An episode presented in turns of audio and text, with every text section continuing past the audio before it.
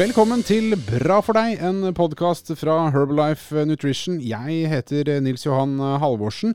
Dette er episode to av tre som handler om vår alles helse, og hvordan vi som trenger det faktisk kan ta, ja, faktisk, vi kan ta helt enkle grep for å gjøre helsa vår bedre. Nordisk sjef i Herbalife Nutrition, Mia Bergman, det er jo ikke sånn at det må være vanskelig og komplisert hele tida? Heldigvis må det ikke det. Det handler om de små grepene, og gjøre de små aktivitetene mange nok ganger. Så blir det nok. Mm. Lege og spesialist i fysikalsk medisin og rehabilitering, eh, Mikael Torp, han har formet akronymet MASSE. Det er mat, aktivitet, søvn, stress og emosjoner. Og mat er jo viktig, det vet vi. Eh, nok mat, ikke for mye mat, riktig mat og til riktig tid, ikke minst. Og eh, der har du til triks, Mia, for å sørge for at du aldri som du ville ha sagt, eh, går tom på tanken? Ja, jeg drar aldri hjemmefra uten vannflaska. Har alltid med vann når jeg går ut døra. Men jeg har eh, mange mattriks. Jeg har alltid en bar i bilen, eller en bar i veska. Sånn at jeg alltid har noe for hånden om jeg skulle bli lav eh, på energi, trenge påfyll eller bli sulten, så har jeg noe som er fornuftig å spise innen rekkevidde. Det kan like gjerne være et eple. Mm. For dette her med å, å ha en plan uh, som, som, alle gjerne har for alt mulig annet, så må man ha en plan for, for hva man skal og når man skal spise. Ja, vet du, det, det, det, er veldig viktig det du tar. Jeg opplever veldig ofte å møte pasienter som sier at uh, Og så ble jeg så sulten. Var, de, de blir overrasket over at de blir sultne. Jeg syns det er ganske artig å høre en, en, rørlegger som da har en plan på å besøke syv forskjellige husstander, ha med seg utstyr og skal passe på nøye og ha alt til stede for å kunne klare alle disse prosjektene sine, og så blir han overrasket over at han ble sulten og spiste to hamburgere. Eh, jeg, jeg skjønner ikke at ikke det går an å tenke seg litt nøyere om. Men så har jeg da lært at mennesker er ikke sånn som vi ønsker. Nei, vi er ingen av oss det vi vil Nei. ha, og vi er egentlig summen av en, en masse underbevisste behov. Sånn at jeg tror, når jeg ser på deg, så ser jeg antagelig toppen av isfjellet, men under deg, i de dype emosjonelle sfærene, så ligger det en masse avgjørelser du tar, i håp om at du skal kunne gjøre et eller annet du egentlig ikke burde gjøre. Sånn at lag en plan. Ha en matpakke. Du veit at du kommer til å bli sulten. Hvorfor ikke planlegge det på forhånd? Ikke bli overrasket over det. Og enten du har en bar i, i bilen, eller klar, eller om du lager en matpakke som er fornuftig, hva som er best for deg, er ikke tvil. Ha noe fornuftig mat klart. Mm. At det er egentlig bare å få i gang en ordentlig rutine. Så hvis du vet i løpet av frokosten at du må lage en matpakke, hvis du vet at du ikke kommer hjem til middag, så er det fullt mulig å ordne seg noe fornuftig mat. Og det er lurt. Ja, ja det er jo det. Men dette, vi har jo snakka om dette mange ganger. Vi nevnte det mange ganger, Mia. Det der, der med, å, med, med, å vite at man skal spise mat, spise riktig. Og så er det allikevel, og jeg har sagt gang på gang, men det er jo så vanskelig. Jeg tror det egentlig er det en sånn liten eh, selvsabotasje på at jeg vil ikke ha alt på stell. Og så velger vi maten. Vi er jo bevisst på hva vi skal ha på oss, hvordan vi skal og hvilke møter vi skal, og vi har forberedt meg her og der. Men å forberede frokosten eller eh, forberede det vi bør ha med oss i veska, eh, så har det bikka nesten over på at det er det er nesten trendy. Det å ha matpakke, det er gammeldags. Nei, det må jeg jo ikke ha. Men fornuftig er det jo. Og du får jo Du har jo kontroll på hva du putter i deg hvis du lager matpakke. Eller matboks. Ja, det er, det er, et godt poeng. Men ja, det er, også, det, med, det er litt sånn ukult å ha alt på stell. Så det er litt som, som jeg sier, det er lært hjelpeløshet. Det passer meg å være hjelpeløs på det. Oh, nå ble jeg så sulten, så da måtte jeg spise to pølser og en hamburger. Uh, jeg fleiper litt med det. Jeg kjenner på det selv. Jeg, jeg kjenner at det ligger i ja, Så, så i denne greia så tenker jeg at uh, dette er så viktig for at jeg skal bli friskest mulig. Og da er vi tilbake til det med masse. M-A-S-S-E. En veldig fornuftig ting. Lag en god plan på hverdagsmaten. God plan på hverdagsmaten, sånn at drivstoffet mitt, om du vil, er best mulig. Og, og da er alt lov. Bare pass på at det du putter inn, er sunt. Om du nå tar en shake, eller om du tar en bar, eller om du putter en liten Det er veldig lett å kjøpe en Tupperware-boks og putte noen grønnsaker oppi. Grønnsaker slår alltid til. Det er aldri feil å spise grønnsaker. Putt det inn. Ta det med. Spis det. Mange av grønnsakene bruker du mer energi på å fordøye enn du får ut av dem, men du får masse bra næringsstoffer. Lag en plan. Der òg. Ha en ordentlig plan. Og forslaget mitt med masse er at det er headingen i planen din. Du kan ta det som en sånn huskeregel. M for mat, A for aktivitet, S for stress, S for søvn og E for emosjoner. Bruk de som utgangspunktet på å lage en god plan. Matplanen min, veldig enkel. Jeg vet at jeg skal spise tre eller fire ganger. Jeg har noen punkter hvor jeg vet hvor jeg får mat, og så putter jeg inn en erstatter for de. Og så har jeg barn. Og så passer jeg på at de får den maten de skal ha. For tiden, og har du den planen, så blir du jo heller ikke stressa. Nei. For noe av det verste som er, er å være kjempesulten, og du kjenner at du har lavt blodsukker, og det er masse du skal rekke. Eller du skal være blid når du kommer hjem fra jobben, og så er du helt tom. Ja. Og det blir man i hvert fall stressa av. Nemlig. Og det plukker barna opp. Og det sprer seg. Som ild i tørt gress. Og så blir det rabalder, og så blir det tull. Og hva er vitsen med det? Ikke nødvendig i det hele tatt. Sånn at det sprer seg alle veier. Om pasienten kommer til en doktor som er stressa, da vil jo pasienten ikke klare å si det de skal, fordi den blir stressa. Det er en dårlig syklus som settes i gang. Så i min verden så ser jeg det som noe av det viktigste jeg gjør, er å prøve å holde kontroll på at jeg vet hvor jeg står. Jeg har litt lyst til å dra tilbake til hverdagen, eller det er hverdagen det vi snakker om. Men også tenke gjennom på en arbeidsplass da, hvor det er ofte mye stress mm. og reaksjoner. Og, og, og, og, klare å være til stede og kjenne er dette mitt stress, eller nå er hun veldig stressa. Dette har ingenting med meg å gjøre. Eh, ok, nå skal jeg eh, ta vare på meg sjøl. Det betyr ikke at du, du, trenger å gå, men du klarer å sortere stresset. Mm. Eh, og ikke nødvendigvis ta det. Du kan godt kjenne på andres stress. Eh, men du trenger ikke å måtte ta det innover deg. Og det samme gjelder jo hvis vi skal være ansvarlige voksne og tenke på ok, hva slags stress påvirker vi de som bor hjemme? En ting er parforholdet, men også barna. Eh, hvor lett det er å ta med seg stress hjem, og ikke legge det igjen på jobben. Eh, og tenke over. Og en gang fikk jeg et råd å si, vet du hva, Mia, sitt to minutter i bilen før du kjører fra jobben og legg fra deg jobben og legg fra deg stresset før du kjører hjemover. Så du er mamma Mia idet du går inn døra, enn å være den som var på jobben. Mm. Jeg fikk, jeg fikk et bilde i hodet nå fra den TV-serien Dag med Atle Antonsen, hvor han sitter i bilen og hører på All By Myself med høy guffe. Det, guffe, det var sånn derre ut, ut, i bilen og, for å avreagere. Men det er jo også det er ganske fascinerende når det kommer til dette her med, med følelser og stress og sånne ting, og hvor, hvor smittsomt Dette har vi vært inne på her tidligere. Hvor smittsomt det er. Eh, og spesielt da sånn overfor barna og de andre i husstanden. Eh, og hvor lett spesielt barn plukker opp hvordan mamma og pappa har det. Uh, så der må man jo i hvert fall ta ansvar for å ikke å være zen når man uh, skal omgås barna. Så kan man heller uh, fyre seg opp etter at de har gått og lagt seg. Jeg vet ikke. Jeg tror, tenker Barn merker det uansett, da. Så da lærer de kanskje at de skal skjule sine følelser, da, hvis du skjuler det. Så, så det er en balansegang som er litt vrien her. Det, det, er ikke så enkelt.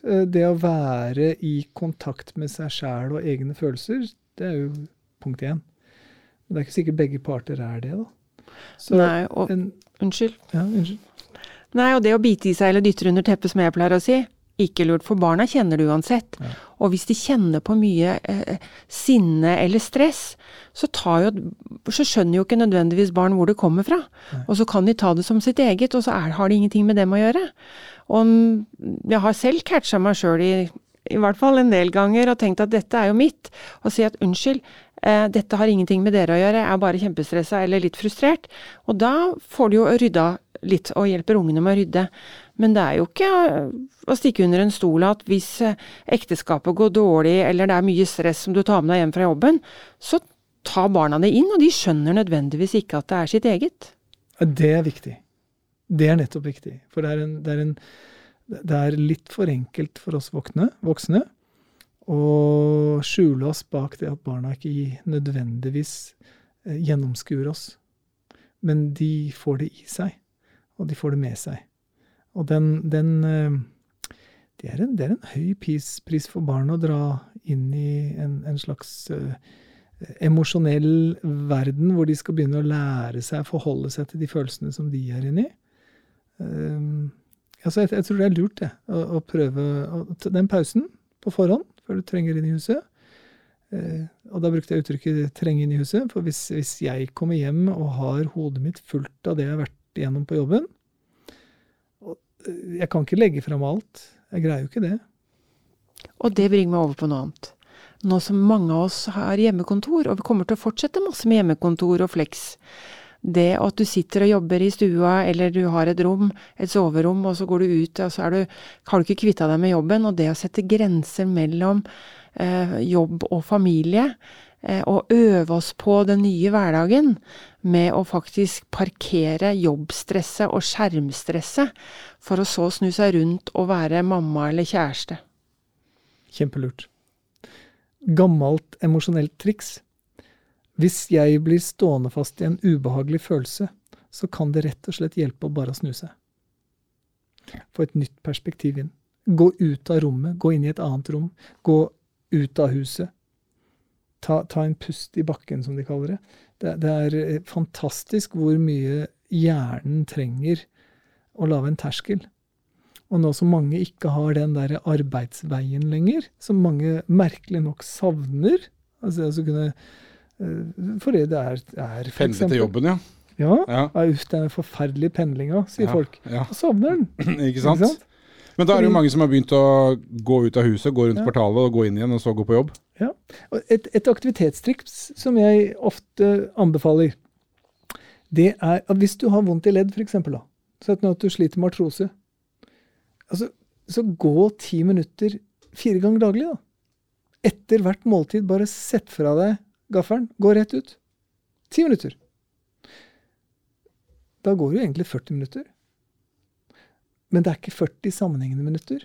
Og hvis du har problemer med et ledd, så er ofte et av problemene at du fort kommer til overbelastning.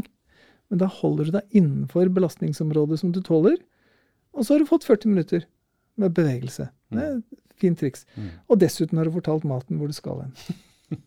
Maten skal til musklene. Mm. Når, du, når, du, nå begynner med det, de praktiske, praktiske, triks der, Mikael, skal, skal, vi nå forsøke å, oppsummere litt her eh, med at alt henger sammen med alt. Det er det ingen som helst tvil om. Men så hvis vi begynner på toppen av massen igjen, da. Med, no, med noen, rett og slett noen praktiske tips som du har oppkumulert gjennom 30 eh, år i ditt virke. Eh, Dine beste tips og triks, eh, Mikael? Ja, jeg tenker Lag en plan. Lag en plan hvor du planlegger helt tydelig at du skal spise. Ikke bli overrasket over at du blir sulten. I den planen så er du full frihet til å kunne putte inn næringsriktig mat. Når jeg mener næringsriktig mat, så er sammensetning viktig. I sammensetning så skal du unngå raske karbohydrater. Det skal du være forsiktig med. Det skal du vite om at du putter inn. Det fins mange måter å erstatte de måltidene med at noen har planlagt det på deg på forhånd, men i utgangspunktet grønnsaker er aldri feil. Mat Vanlig mat skal være vanlig mat og ikke festmat. Måltider, de aller fleste, har godt av å spise lite, kanskje fire ganger daglig. Kanskje tre ganger daglig. Noen mennesker de har ikke behov for å spise så mye, men likevel så virker det som at det er best for kroppen å spise tre eller fire måltider på en dag. Små måltider hver gang. Når det gjelder vann, så anbefaler jeg helt klart drikk masse ved hvert måltid, men ikke drikk med mat i munnen. For hvis du drikker med mat i munnen, så slutter du å produsere spytt. Og da blir det vanskelig for folk å fordøye. Så det er mat. Det er mat. Aktivitet. Ja. Aktivitet. Jeg kaller det aktivitet med vilje, for det er veldig avhengig av hva ellers du har gjort den dagen. Hvis du har hatt en forferdelig stressende dag, og du har hengt i strikken siden du satte deg på flyet klokka fire om morgenen, og du har herja, har pressa deg, og du har virkelig gjort det beste du kan, så skal ikke du nødvendigvis gå og sette deg på en spinningsykkel og hause deg opp på den. Da kan det hende du har gjort nok den dagen. Da er det aller mest fornuftige du kan gjøre, det er å ha en lang, rolig sirkulasjons-meditasjonstur. Men det kan også hende at du har vært utsatt for en type stress som gjør at du har behov for å tømme deg for noe. Så hvis du har Du må kjenne etter deg selv, og så må du korrigere din treningsplan til å tilpasse seg hverdagen din. Det kan meget godt tenkes at etter å ha hatt noen stressende telefonsamtaler med svigermor, og du har fått noen merkelige greier eh, tredd nedover hodet ditt, at du har behov for å virkelig tømme deg, ja, da er det fint. Da må du gjøre det. Men tilpass treningen til den situasjonen du er i, og du må være villig til å slå om kursen. De fleste mennesker bør trene et eller annet tre ganger i uka. 3-30-60-regelen er god å følge. Lag en plan så du passer på at tre ganger i uka så har du noe som du kaller trening. Det betyr tre ganger i uka, 30 minutter, 60% innsats. Det er minimum for at du skal kunne klare å holde deg der du er. Hvis du legger på litt ekstra, så vil du faktisk forbedre din prestasjon. Legger du på for mye, så står du i fare for slitasje. En Mini Morris skal ikke trekke en campingvogn for lenge. Et eller annet vil gå i stykker på Mini Morrisen. Så tilpass belastningen til hva du kan. Og bruk trappetrinnsmodellen. Trapp opp gradvis du faktisk føler at du får en framgang. Trapper du opp for brått, så går det meste på trynet. Trening kan med fordel tilpasses temperament. Beste treningen jeg gjør, som jeg elsker mer enn noe annet, er boksing. Det passer mitt gemytt fantastisk. Det å ha en kamerat på andre siden med hansker, som da er ute etter å lure deg, og jeg har muligheten til å lure han, det er det morsomste jeg veit. Det elsker jeg. Da merker jeg ikke at jeg er sliten engang. Trening er viktig, men det må være gøy. Har du ikke moro, så er jeg enig med Wilhelmsen at det, det, er ikke sikkert det er uh, fornuftig. Det var aktivitet. Mm -hmm. Stress. Med hensyn til stress så fins det, som du sier, positiv stress og negativ stress. Men det kan være litt begreps misoppfattelser. Biologisk så er vi konstruert for å ha stress i korte perioder. Det er egentlig unntakstilstand. Hvis jeg blir jagd av en sabeltanntiger, så vil mitt autonome nervesystem, det, det, ubevisste nervesystemet mitt, vil sette meg da i en slags modus som gjør at blodet går bort fra tarmene. Det går til muskulatur.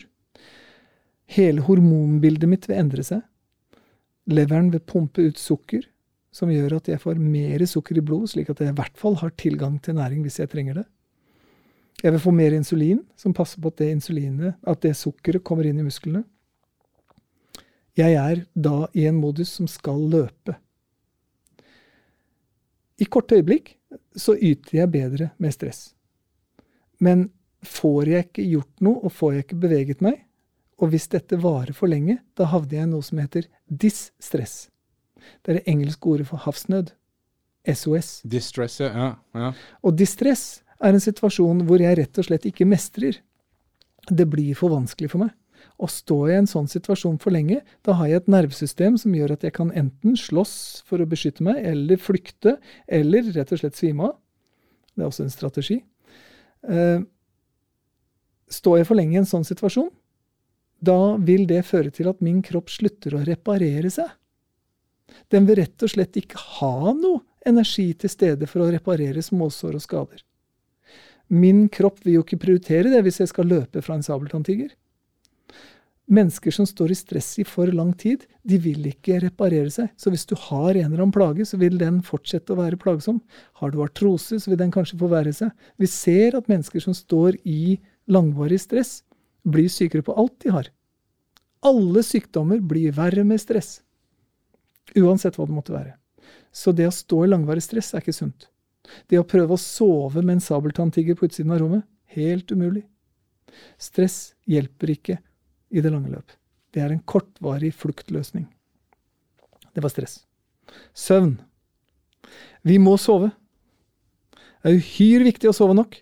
Sover du ikke nok, så vil du bli syk. Du dør fortere av søvnmangel enn av matmangel. Det er en torturmetode, anerkjent over hele verden som gærent, å hindre folk i søvn.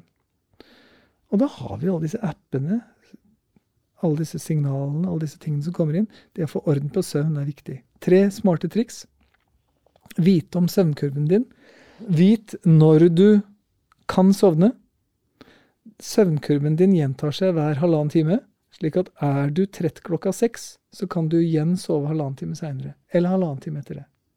Du kan fortsette å regne på den måten, og så skjønner du når det er lurt å stå opp. Juster natten din i forhold til det. Er du plaget av oppvåkninger? Pass på, dette er viktig, pass på at ikke det er unødvendige grunner til oppvåkning. Den vanligste grunnen til at folk våkner på natterstid, er én at de har sett på klokka eller telefonen for å se hva klokka er. For å forstå en klokke så kommer du til så høy bevissthet at du faktisk våkner. Ikke sjekk klokka om natten. Stol på at vekkerklokka vekker deg. Ikke sjekk hva klokka er. Det du skal gjøre hvis du våkner midt på natten, er å smatte, grynte, snu deg og sove videre. Må du opp og tisse om natta, så er den vanligste årsaken at du har drukket for mye på kvelden. Ikke drikk for mye på kvelden. Du skal drikke på dagtid. Du skal drikke så mye på dagtid at du tisser fire ganger skikkelig. Det er veldig nyttig triks. Hvis du vet at du har tisset ordentlig fire ganger, ja, da har du spylt gjennom nyrene dine og vasket gjennom alt systemet. Da har du drukket nok. Det er feil å si at vi trenger så og så mange liter per dag. Målet er om du har tisset nok. For er det en varm sommerdag, så trenger du mer vann enn hvis du har sittet inne på en fuktig vinterdag. I bunn og grunn det er bedre å være frisk, rik og pen enn fattig, stygg og syk. Men er du deppa, så er det ett fett. Emosjonene er det viktigste. Det er ikke noen ting annet som er viktigere enn å skape seg et liv hvor vi har et godt liv. Vi må ta vare på hverandre, og vi må ta vare på følelseslivet vårt. Hvis du sliter med vanskelige, vonde følelser eller vanskelige, vonde tanker, så søk hjelp. Få tak i noen som kan hjelpe deg med det. Får du hjelp til det, så blir livet mye riktigere og mye mer meningsfylt. Det er det viktigste punktet, og ellers kan du plukke blant de punktene uh, som du vil. Gå for det lavest hengende eplet. Mm. Gjør, gjør, noe med det du klarer enkelt å gjøre noe med, ja. og se at ting blir litt bedre. Ja. Og så neste gang litt mer. Og så blir det som aktivitetsplanen, det blir en opptrappingsplan. For hvis du begynner ja. med noe, og så blir det litt bedre, så ja. har du overskudd eller energi til å gjøre noe med noe annet. Så det er noe med at du, du må gjøre noe selv. Og begynn med det som du sier er, som du liker. Men også bruk fornuften, vil jeg si. At tving, hvis du er ordentlig i kjelleren, så tving deg om ikke annet til å gå noen rolige turer.